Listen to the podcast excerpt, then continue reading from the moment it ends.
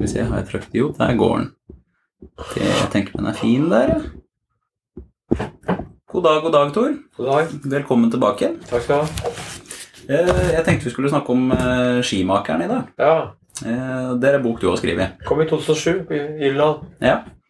Altså, Hva var grunnen til at du hadde lyst til å skrive den boka? Det mangla en bok om norsk skiproduksjon og utvikling av ski i Norge. Og det var en som het Kjetil Grasbekk, som hadde verdens største samling av ski. Som også var interessert i at jeg skulle gjøre det, så jeg prata mye med han før jeg gjorde det. Og så hadde han et privatarkiv som han hadde samla gjennom mange år, både av ski og kildemateriale. Så Ja. begynte jeg å intervjue folk i tillegg. Så jeg hadde en veldig bra start med å prate med Kjetil, og han var optimistisk og oppmuntrende hele tida. Så det mangla i norsk bokheim så mangla en bok om norsk skiproduksjon og norsk Ja. skis utvikling fra de eldste tider fram til i dag, eller fram til 2007, da Ja. boka kom ut. Ja, altså så har det skjedd mye med, med ski ja, Kall det skiproduksjon eller skiteknologi siden boka kom. Ja, Det har jo skjedd en del. Jeg følger ikke jeg så godt med på det nye. Jeg bryr ikke om det nye, men Nei. det har da skjedd en del, og det har skjedd bl.a. at flere, flere mindre skimakere eller mindre bedrifter lager ski. Mm. Det er flere som har begynt å lage ski litt på gamlemåten. Folk som lager ski i mindre skala, men som selger det på nettet og Ja. har en slags moderne variant av det gamle i Ja. det nye. Ja, for jeg tror særlig sånn når topptur ble en stor greie, så tror jeg det ble veldig mange sånn mindre norske skimakere, men i hvert fall Moonlight. Så er det SGN og ja, det Jeg vet ikke om du er så kjent med sånne typer ski? Jeg har hørt om det, ja, men Ja. jeg vet ikke så mye om det. Men Nei. Endre Hals er en kar som driver skimakeri oppe i Oppdal, Ja. hvor de selger ski, og de kan jo skreddersy ski, så vidt jeg har skjønt. Og så Ja. Internett gjør at eh, folk vet om de skia i hele verden hvis de vil. Så Mm. Moderne tider har gjort at eh, du kan få det beste av det gamle og det beste av det nye og produsere ski Mm. som er ordentlig, og folk har kanskje bedre råd hvis du vil ha en skreddersydd Mm. et par, så får du det skreddersydd, men da er det jo koster litt mer, men det er mange som har god råd og liker å bruke penger på å ha noe som er veldig bra, Ja. og personlig og sitt eget. Mm. Det er en del Det var det ikke for 50 år siden, 40 år siden. Det var, det var kanskje for toppløpere, altså i langrenn, som Ja. fikk men nå snakker vi om en annen type ski, kanskje til fjellbruk Mm. mer. Eh, skal vi da trekke det tilbake si, til det gamle? Ja. Jeg tenkte på de første skia. Ja. Vet du nå si, når de er gravd ut, eller hvilken tid Det det er jo er? ski som er gravd ut, som er 4000-5000-6000 år gamle i flere land. Kanskje ikke Norge, men Ja, Sovjetunionen og i Kina eh, I hvert fall i jeg, jeg kan ikke si at det er total oversikt over hva som er gravd ut, og de vet ikke hvor gammelt det er, men i Sverige og Finland, i myrene, er det mye Mm. ski som er gravd ut. og Det er fordi ski blir tatt godt vare på i myrer, og dukket opp en del ski i isbreer de siste åra. ja. Og jeg vet at eh, mange brukte faktisk ski i myrer når de drev med fòrhøsting om, om, om høsten, for de gikk på myra. Mm. Og så kunne de slå mye òg, og så sanke fòr. Da gikk de ofte med ski, eller noen i hvert fall. Og det kan være grunnen til at skia ligger i myra. Mm. Jeg vet ikke om de har ofra skia til eh, gudene, men, Ja. men det er jo myrfunn eh, Det fins oversikt over myrfunn. Ganske mange myrfunn Mm. i forrige århundre, og særlig i forbindelse med at de det med drenering og grøftegraving Ja, i skogen. Skogbruket, altså gjorde, Mm. Framveksten av skogbruket gjorde at moderne skogbruk gjorde at, at eh, de fant stadig flere ski i myrer. Mm. For da, da snakker vi ski av hel ved? sant? hele ja, Og limte ski kom jo først der. Limte ski kanskje på 1890-tallet, men ikke mye. For hel ved, da må du ha et helt trestykke. Og da, Mm. hvis du limer, så kan du ha flere treslag, Ja. og kanskje ha et lettere treslag. At skia blir lettere, men samtidig sterkere. Så problemet før 1900 var at det var ikke lim som, som gjorde at det, altså det satt ikke. Så skulle du lime sammen flere treslag, så, så gikk de opp. Men det var noen som brukte trenagler for å feste Ja. de her lamellene, eller de her eh, treslagene, ikke lameller, treslagene sammen. At jeg holdt på å si at du slo sånne plugger igjen nå? Plugger, ja. ja, Ja. ja. Nagler. Ja. Ja. Det var brukt uh, i Trysil. Det var en som het Johan Opseth eh, i Østby i Trysil som lagde ski. Uh, han bestilte lim fra verden, bl.a. et hvitt lim fra Kina. Han utvandret Mm. seg til Canada, men han lagde lim til ski. Så tryslinger hadde, En del tryslinger hadde lim til ski på begynnelsen av 1900-tallet. Elling Rødnes, f.eks., som vant femmila i 1906, 07, 8 og 16, han hadde Mm. ski som var delvis limt eh, på den måten der. Eh, Jeg vet ikke om han hadde nagler, men, men det, var, det var flere som prøvde å mislyktes. Men noen fikk det til bedre, for det var problemet i mange år. Å få folk til å sitte. Sånn at eh, Hvis ikke limet satt, så, så jo vil skia sprekke. Ja. Eller altså revne. revne. Ja. ja, det ville jo vel De ville vel sprekke, for det er vanskelig å få det tett. Ja, vanskelig å tette. Og da går råta Ja. sånn bryter. Det her var det samme i Norge, Sverige Finland og andre land hvor de lagde ski. Det var, problemet var å få, bare få det til å sitte. Så hel ved var det som var brukt mest i skiindustrien og skimakeri. Mm. vet du hvor mye de veide som cirka, de skia her, da? De kunne veie kanskje 3 kilo, 3,6 kilo kanskje. Du snakker om de helskia. Ja. Helved, ja. De kunne Ja. veie kanskje 5 kilo. Det, det finnes eksempler på Du trakk gjerne vann underveis, så Ja. hvis de veide 3 kilo begynnelsen, kunne de kanskje veie 5 kilo mål på en femmil. ja. Da var de spreke før i tida. Ja, det var det. ja. Det var tyngre å gå. Ja. For um, husker, Hvem var det som hadde, fikk den patenten? Det har du skrevet om i boka di. Var det han uh, Bjørn Odosæter. Ja, det var det vel. Han uh, bodde på Ullåseter. Han var fra Ullåseter i Nordmarka, født i 1891, død i 19... Var det ikke 75 da? Han eh, var for svak til å drive med tømmerhogg, som heter faren som begynte som skimaker, for det var lett arbeid. Satt inne og lagde ski, kunne ikke være ute i skogen og lage tømmer. Og han var veldig interessert i å lage ski, limte ski, som var en utfordring som mange prøvde på. Mm. Flere fikk det til, men han fikk det veldig bra. Han tok patent på eh, limte ski, og da kom det noe som het kauritt, som var et tysk lim, Mm. som IG Farben, den store bedriften i Tyskland, lagde. Og de hadde et vannfast lim, for ski må jo ha vannfast lim, for når du går på ski, så blir det jo vann og snø og vann.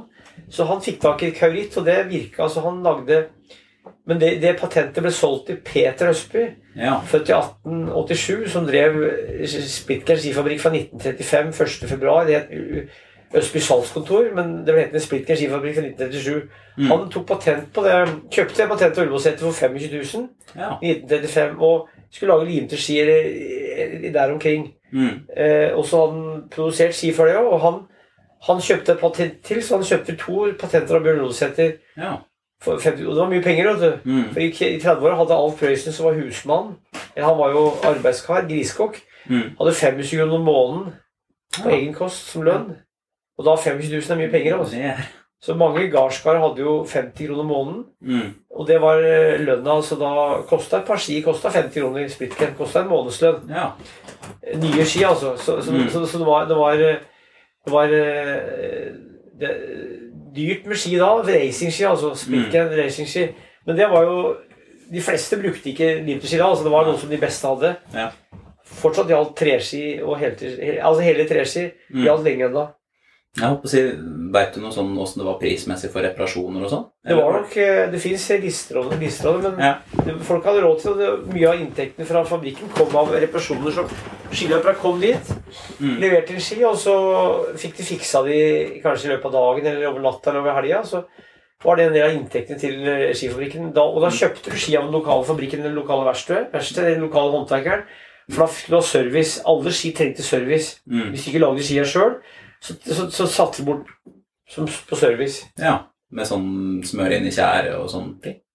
Ja, blant annet i om våren. Ja. Og så hvis de var skjeve, og hvis de trengte å fikse med bindingen og maling Masse du kunne gjøre, masse Mm. vedlikeholdsbehov for ski. og Egentlig skihotellet hvor det ble satt bort, det var allerede før krigen, hvor sportsbutikker tok vare på om sommeren. Folk bodde gjerne trangt. Det var Mm. mange som bodde i leilighet i byen, og så kanskje de satte bort skia i en slags oppbevaring fra, fra sommeren. Og da fikk de stell først, og så ble det tatt fram høsten. Ja. Eh, ja, men jeg, jeg hørte at du har gjort en podkast med han Wolfgang V også, om samme boka. Ja. Da synes jeg jeg syns det var litt artig det du snakka om der med å si, definisjonen av en fabrikk ja. eh, kontra et verksted. Det var at det het fabrikk. Det, det, det er ikke verre. Det fins fabrikker med én ansatt, sånn som tømte skifabrikken Magnor hadde én ansatt. Ja. Og så fins det verksted med fem ansatte, da i boka mi, så er det, hvis du heter fabrikk, så er det skifabrikk. Ja. Jeg, jeg, det fantes veldig mange verksted, altså, så jeg kom fram til at jeg registrerte ca. 200 norske skifabrikker. Ja. Altså cirka, det var 80 kanskje i 1940, Mm. 63 i 1947, 48, og så gikk det nedover fra da. Men, men det, det er jo allikevel mm, ganske mange. ja. Så det samme var litt i Sverige og Finland og for så vidt i Østerrike. Mm. Men at, at eh, noen het verksted og var større enn de minste fabrikkene. Altså. ja. Ja, og mange drev med blandingsproduksjon. Kan du nevne eller liste opp noen forskjellige kombinasjoner? Ski og likkister. Ja. Rena ski- og likkistfabrikk. Og du vet Matsus Matshus eh, skifabrikk, det, det var stifta som i 1906 av Martin Matsus, født i 1881. 1906 som Mart Matshus ski- og likkistfabrikk. For folk døde jo uansett, og hvis du ikke hadde noe særlig ski og, eller var lite snø, Ja. så, så, så var det å selge likkister. Ja. Og det var ganske vanlig faktisk at det var. I Stavanger hadde vi noe som het Hinna ski- og rugekassefabrikk. Det var også en fabrikk Magnus Jensen som lagde skyteskiver. Ja. Møbler var vanlig å kombinere med ski. Ja. Eh, Alt som var i tre, alt som Mm. kunne gjøres i tre, og som var mer uavhengig av snøforhold. For at, eh, Ja. Hvis det kom litt i snø, så var det lite skisalg, og da gikk omsetningen opp og ned. altså. Det var mange som kombinerte med kjelker og sånt òg. Kjelker var vanlig, ja. Ja. Men det er jo ikke, si, det er jo ikke et så kall det trygt nummer to. da. Nei, nei, nei. Du selger jo ikke kjelker heller hvis det er lite snø. Nei, nei, så, nei det, men Rustadstuen var en kjelkefabrikk faktisk som ikke lager ski. Det fins én kjelkefabrikk som heter noe som Det fins flere, men Rustadstuen tror jeg fins enda. Jeg mener at de lager kjelker. Eller på Lillehammer. Ja. Um, tenkte jeg vi holdt på å si beve... Nå er vi jo før eh, sånn, I hvert fall sånn høvelig før første verdenskrig. Ja. Så jeg lurer litt på, på måte, hvordan påvirka første verdenskrig norsk skiproduksjon? Det var jo mange som trengte ski til eh, militære formål nede i Europa. Og det var en del norske fabrikker som solgte ski til skisoldater. Eh, ikke så mye kanskje som ikke, ikke så mye som i andre verdenskrig, for det var litt avhengig av hvor krigen foregikk. Under andre verdenskrig foregikk det på østfronten. Mm. Og der var det et stort salg av norske ski. Tvangsproduksjon av norske fabrikker. Så det var, det var ikke så stor påvirkning på første verdenskrig. Iallfall ikke på den måten. da, For, for uh, krigen foregikk jo mer uh, i skyttergraven nede i Europa. Ja. Foregikk på ubåter og på havet. så mens i andre verdenskrig var det store slag om vinteren Mm. i snørike strøk. Det var ikke så mye av det. Men det var en del norskamerikanere i USA som, som trente opp eh, skisoldater. Det kom amerikanske skisoldater med båt over havet. og Der var det nordmenn som var med og trente. Ja. De, og de var i Alpene. Så det var nordmenn også som var um, Det, det er andre verdenskrig også. Andre verdenskrig. Eh, men, men jeg tror ikke det var så mye på første verdenskrig. Men, men for det var, det var, da var ikke industrien så etablert og stor. Nei. Men det fantes mye ski i Norge, så de kjøpte ski av Norge, de som trengte det. For det, jeg håper jeg vet om om du, om du fikk tak i noen ny teknologi eller noe sånt? Under første verdenskrig Jeg tenkte på, altså Etter første verdenskrig, var det da noe Kall det krigsteknologi du tok med deg videre? Jeg- jeg Det var det innen ubåter og Men jeg tror ikke det var så mye i ski, for det var det i, i, Etter annen verdenskrig var det en del ny teknologi. Du har metallski, f.eks., Ja. som var utvikla av flyindustrien, så vidt jeg vet, under andre verdenskrig. Mm. Det skjedde egentlig mer på den fronten og ski i andre verdenskrig, som er 20 år senere. 1918 var jo første verdenskrig først. Mm. Så det var, det var ikke så mye som du skulle tro, Nei. egentlig. Som, som jeg oppfatta. Men jeg, jeg vet ikke så mye om det. Jeg vet mest om, mest om andre verdenskrig. Ja. Det er ikke så lett å studere i første verdenskrig. For jeg skrev boka, så snakka jeg med folk som levde, som hadde vært med i andre verdenskrig. Å, ja. Da var det lett å Ja. få masse stoff om det. Ja. Da syns jeg vi kan snakke litt om andre verdenskrig Ja, ja, ja. Hvis det var mer stoff der. ja. Nei, for det var jo Da var jo Peter Østby, han som drev Splitker skifabrikk i Brogata 3C i Oslo, Mm. han var jo NS fra slutten av mai 33. Mm. Så han var kamerat med Vidkun Quisling, og kona Hallis Negård Østby var jo eh, nærmest sekretær for Quisling og, og skrev for avisa Fritt Folk, som var Ja. NS sin avis. Og var i OL i 1936 og var et veldig tysk, tyskervennlig. Både, altså, han fikk jo lim fra Tyskland. Det limet Mm. som han kjøpte Kørit, var produsert i Tyskland. Ja. Han solgte masse ski. Han var veldig beundra tyskere som folk. Det er flinke folk. Så, så, så da de kom hit i 1940, 9. april, så var det jo mye snø den, den våren der. Mm. Eh, Mange nordmenn som var med i krigen, gikk jo faktisk på ski hjemmefra hvis det var skiløpere fra oppe i Dalsbygda eller oppe i Trysil eller andre steder som, som skulle mønstre på, så gikk de gjerne faktisk hjemmefra på ski. Ja. For det var snø, sein snø i, to, i 1940. Eh, og eh, tyskere de kom hit, og eh, jeg har hørt historier om tyskere som frøs i hjel og hadde problemer fordi de, gikk ikke på ski. Men Mm. en del av tyskere jo, var østerrikere etter hvert, Ja. som, som kjente det med ski. Men, men det var også, det var også ble en tvangsrekvirering av industrien. altså fabrikkene, Det var 45 fabrikker som Det var kanskje 80 fabrikker i 1940, men 45 av de, de skulle lage ski for, for tyskere Mm. som ble sendt på østfronten. Både til norske frontkjempere og til tyskere som var på østfronten. Og da fikk tyskerne et femdagerskurs. Ja. De fikk ut et par, et par ski, og så skulle de lære seg å gå på ski på fem dager. Det er ikke noe særlig. Nei, det hørtes røft ut. Så de lagde ski, ski staver, skismøring og alt som hadde med ski å gjøre, ble lagd i Norge under krigen. Til og med de lagde skistaver av furu, for de hadde ikke tonken, altså bambus fra Kina. hadde de ikke. Nei. Så de fikk tom, de hadde ikke hikori fra USA, for det kom fra sørstaten i USA. Ja. Så, de, så de måtte lage ski av bjørk eller andre treslag, eh, Mm. løvslag gjerne. Og staver ikke av tonken, ikke ba- for de hadde ikke. Så Og så var skiskoa til og med fiskeskinn, vet jeg. Ja. De lagde jo sko av fiskeskinn, så det var mye rart utstyr under krigen Ja. i Norge. Og eh, det fins statistikk i boka mi hvor, som forteller om hvor mye som er produsert av skismøring. Og jeg har sett noe statistikk der. Enorme mengder ski som er produsert med tanke på tysk bruk. Mm. For det var jo 350 000 kanskje eller mer tyskere i Norge på det meste, og det er mye. altså. Ja. Jeg har snakka med folk som var i skipatruljer oppe i Trøndelag og Nord-Norge, Mm. hvor tyskere, hvor tyskere eh, ikke gikk på ski, men de, de brukte kanskje ikke, at det- panservogner og forskjellige andre store anretninger, mens nordmenn gikk, kom gående på ski. altså. Ja. Og du har jo den der saken um, Vemorke, hvor de skiløperne, Mm. Klaus Helberg og de andre Jeg kjente jo Klaus Helberg godt, han, han fortalte om det der. Så, så de gikk jo på ski um, og tok seg og tungtvannsaksjonen under krigen, og så gikk de på ski tilbake Eller derifra så gikk de flere steder. Og de gikk vel over til Sverige, blant annet. ja. Eh, Jeg har ikke Akkurat det der kan jeg ikke så mye om av de detaljene. for så, jeg, det er noe som alle kan. Så jeg, jeg, jeg har jo snakka med Klaus om det, Helberg. Han var Mm. født 1919 og død i 2003.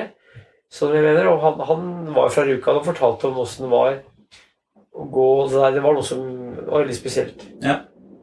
Men Krigen var jo også viktig, Andre verdenskrig var, var krigsviktig, for der, da var det eh, I 30. november 1939 så gikk eh, Sovjetunionen i Finland. Mm. Da starta vinterkrigen. Ja. Og russerne var, var mye dårligere skiløpere enn finnene. Ja. Finnene kjempa jo på hjemmebane. Så finnene kjempa som eh, med finsk sisu. Mm. Så, det, så det, var, det var mye verre for russere å, å gå på ski, for de fleste var ikke så vant til det. Og Finna var ofte, de hadde ofte satt de beste skiløpene sine til å eksempel det finske stafettlaget fra 1938 med Jussi Kurkala, Kali Jalkanen og Pekka Niemi, det var tre av de fire løperne. Mm. De var, var med russisk, finske tropper bak den russiske linjer for å gjøre sabotasje. Gikk opp til 17 mil. ja. Så det var, så det var en del eh, skiløpere der. og Det var norske skiløpere som verva seg til vinterkrigen, som starta i 1930, november 1940 og slutt i april 1940. 39 og slutt i april 1940. Mm. Og så var det fortsettelseskrigen senere. Det var en nordmenn som verva seg dit, og jeg snakka med et par stykker. De er døde nå. Ja. Så da tok de toget opp til eh, Haparanda. Og så, eh, men han, jeg snakket med, han fikk ikke være med fordi de, fordi de, de kom, eh, kom for seint. Det var eh, Krigen tok slutt, første delen. Ja. Og så begynte det senere. Altså. Så, så der var det viktig med ski. og Finnene hadde hvite drakter, kamuflasjedrakter, og, Mm. og gikk på ski. Og det de gjorde, var at de blant annet så vet du at de eh, de lurte lufta, for de, de, de kokte pølser for eksempel, på st- stor myr, og så lukta det pølser, og så kom russa, og så bare poh, tok de knerta di. Ja. Og jeg snakka med folk som sa at det var så mye lik på veien at de kunne ikke bruke De brukte altså snømåker, for, altså snøplog, for å få bort lika på veien. Ja. Og de skulle ikke sløse med kuler, så de kutta bare halsen på, på russerne. Ja. Det er helt forferdelig. Ja. Og så, så var det en historie om han uh, finne som kom hjem fra vinterkrigen. Han uh, var det første gjorde. Han kom- Han gikk om gående med skia. Uh, da, da, da, da da lå jeg med dama, sa han. Var det andre gjorde? Jeg lå med dama. Var det tredje gjorde? Tok av skia, sa han. Jeg knulla min fru, sa han, og den sa Bekka fra vinterkrigen. Så, så det, var, det var hardt der, altså. Det var jo 1940, det var kald vinter i 1940, vet du. Mm. Så det var en jævlig hard krig der, altså. Hvor, hvor mange finske idrettsmenn og skiløpere var mobilisert. Og, og nordmenn samla inn ski, så jeg snakka med en kar på det som kalles, var på det som kalles Finlandsmøter. Det var 1940 i januar. Mm. Så var det møter rundt i Norge mange steder i forsamlingslokaler hvor folk møttes og diskuterte krigen. Og da de samla ryggsekker, ski og skismøring og staver. Mm. Så de donerte utstyr til, til finnene. Ja. Som ble sendt ut av Norge på, på, på, på Altså på, på tog. Ja. Det var bra. Eh, Jeg håper å si, Hva smørte de med skismøring på den tida? De hadde, I 1940 hadde de noe som da kom Bratteli Silke kom, en smøring kom da. Ja. De hadde noe som het Tento, de hadde Fyk, de hadde Østby, de hadde eh, H. Hagli. Hag- Hagbart Håkonsen og Hans Ingesrud. Hagbart Håkonsen, store smøringseksperten fra Bull, var fra Solør. Flyttet til Oslo, ble smøringsekspert, hadde en egen fiskestangfabrikk. Hagbart Håkonsens fiskestangfabrikk, og så lagde skismøring sammen med Hans Ingesrud, som var fra Modum. Ja. Eh, Anton Berg var det en smøring som het. Det var mange smøringstyper. og Smølingene kom mest på markedet fra 1920 til 1940, men det var smøling for det òg. Men det kom særlig mange smølinger på markedet i 1930-åra. ja. Veit du noe om hva som var i de? Det var mye mm, tjære og honning og Ja. harpiks og forskjellige ting som du kunne skaffe ganske naturlige ting. Altså. Det, var ikke, det var ikke syntetisk. Nei. Og det var eh, forskjellig fra boks til boks ofte. Ja. Fordi de hadde ikke standardisert enda mye ennå. Så Swix, som kom etter krigen, de standardiserte jo. ja. Um, jeg holdt på å si, Da er vi jo fortsatt på treski, sånn plastski. Når begynner det å komme inn i Jeg bildet? jo det første gang i 1890-åra. Slags plass, noe som har plassbelegg. Ja. Eh, Men det er en slags annen variant. Det er ikke Ja. en variant som kom senere. Men det var på 30-tallet flere som prøvde seg med det. Men, Ja. men, og jeg snakka med en som gikk på plass i 1949. For Peder Østby hadde jo planen om å ha plass i revolusjonen til Oslo. Mm. I Oslo 250. Jeg snakka med en kar som hadde prøvd i skia i 1948, og de var veldig stive gled bra, men de var vonde å gå på. Ja. Men i 1957 så lagde Og så kom det jo plastski Eller med plastsål i alpint. Ja. Hopp det kom på 40-tallet i alpint, og 50-tallet i, i hopp grovt sett. Altså. Ja. Det fins var unntak. Men i hvert fall så kom det I 1957 så For det er, det jo avhengig av at eh, teknologien må finnes. Det må finnes plast å lage av. Ja. Og det fantes ikke noe særlig av. Men i 57 så lagde Narve Bonna fra på Bonna, Han var fra Sørkedalen, eller Lommedalen. Og Han var skiløper, skihopper, og han lagde ski av, eh, med glassfiberski til langrenn i 57. ja. Så vidt jeg vet den første i verden. Og de tilbød seg at Hal- jeg- Hallgeir Brennen jeg, jeg sto opp kvart over tre dager, skjønner du. Oh, ja. Så jeg jævlig blir litt trøtt. Ja, men var nei, nei, ja, men jeg jobba med Jeg gjør ferdig boka Norske oppbakker'. Oh, ja. Men, men så jeg må få luft, så holder jeg meg våken. Ja. Nei, så, så da hadde han øh, Det for, for, for eh, Ja, hva var det jeg prata om? Vi var på plastikkski. Ja, plass, ja, plass, ja. Og det, Bonna sendte brev til Hallgeir Brennen i Mm. 57 oppe i Tørrberget i Trysil og sa nå kan du bruke disse her, for det var de første glassjukene som jeg vet om til langrenn, men de var ganske tunge og klumpete, så Hallgeir brukte de ikke. Mm. Jeg tror jeg testa de, men ikke brukte de i konkurranse i 58 for det var VM i lagt i Finland. Mm. Så da tenkte han at han skulle bruke det der, men, men, men det, ble, det ble ikke lagd noen flere av han. Men problemet var at det var dyre å lage, de var Ja. tunge å bruke, de var litt ustødige, og, og det var ikke noe marked i å lage langrennsski på den måten, for du måtte investere så mye i nye modeller, altså Mm. maler og forskjellig. Ja. Så, så, så, men, men før 1964 så har jeg dokumentert i boka at minst ni norske skifabrikker, kanskje ti, har Mm. lagd glassfiberski før 1964. Altså Ja. glassfiberversjon i langrenn skjedde jo i alpin så skjedde det på 40-50-tallet. Da, da Mm. begynte de beste å kjøre på kunststoffski. Ja. Langrenn fikk de ikke, der, fikk, der må du ha smøring til å sitte. Ja. Så du fikk ikke, du hadde problemer med å få det. Så, så da, da, da hadde du ikke noe festesmøring. Så derfor så fikk de ikke til å lage det. Men før 1964, altså ti år før eh, Falun-VM, som er glassfiberversjonen, Mm. så kan jeg dokumentere at ni eller ti norske skifabrikanter har lagd glassfiberski, kanskje enda flere. Ja. Det står i boka. Så det var eh, folk som drev for seg sjøl i det små, men da kom det glassfiberprodukter på markedet som gjorde at det var mulig å lage altså i epoksy og lim og alt det der. Mm. Det kom på markedet, så det, var muligheter, altså. Men det, og det første glassjubileet var i 1967 i Larvik. Oh, ja. Det var på knust is fra et fryselager. Der gikk alle deltakere på glassfiberski. Det er det første jeg vet om i langrenn på rene Mm. glassfiberski. Altså. Ja. Show, showrenn i mener det var august 1967 i Larvik.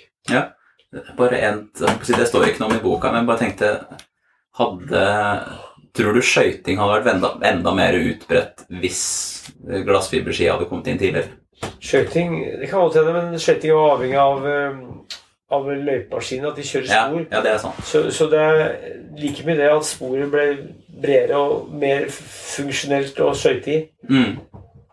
Ja, for det Når var det det? Var det i 1988? 85 kom skøytinga for fullt. Ja, okay. Det kom før, altså, men Ja. revolusjonen regnes fra 85, for det, Ja. det begynte jo egentlig før det, men det begynte i 70-åra. Men så var det mest i turen av vansløpet, og så kom det mer. Og så en som heter Bill Cock, han skøyta i 1982. Mm. Eh, og, og, og, Var det sånn? Ettbeinsskøyting, ja. Ja. Og så- begynte flere herme etter han. Og så, og så, ble, så kom det tobeinskjøting for fullt fra 1985. Mm. Da, var det, da var det um, fritt fram, framfor skøyting. ja. Ja, 85. Men altså, når var det FIS da begynte å regulere det? si? At det Fra 86 ble det to grener. Ja, okay. Klassisk og skyting. Ja. Det det var et veldig stort tema da i 1985, hvor vi skulle Vi skulle, vi skulle Kan jeg ta en liten pause, eller? Ja. Går det bra? Ja, bare. Jeg bare drikke noe vann.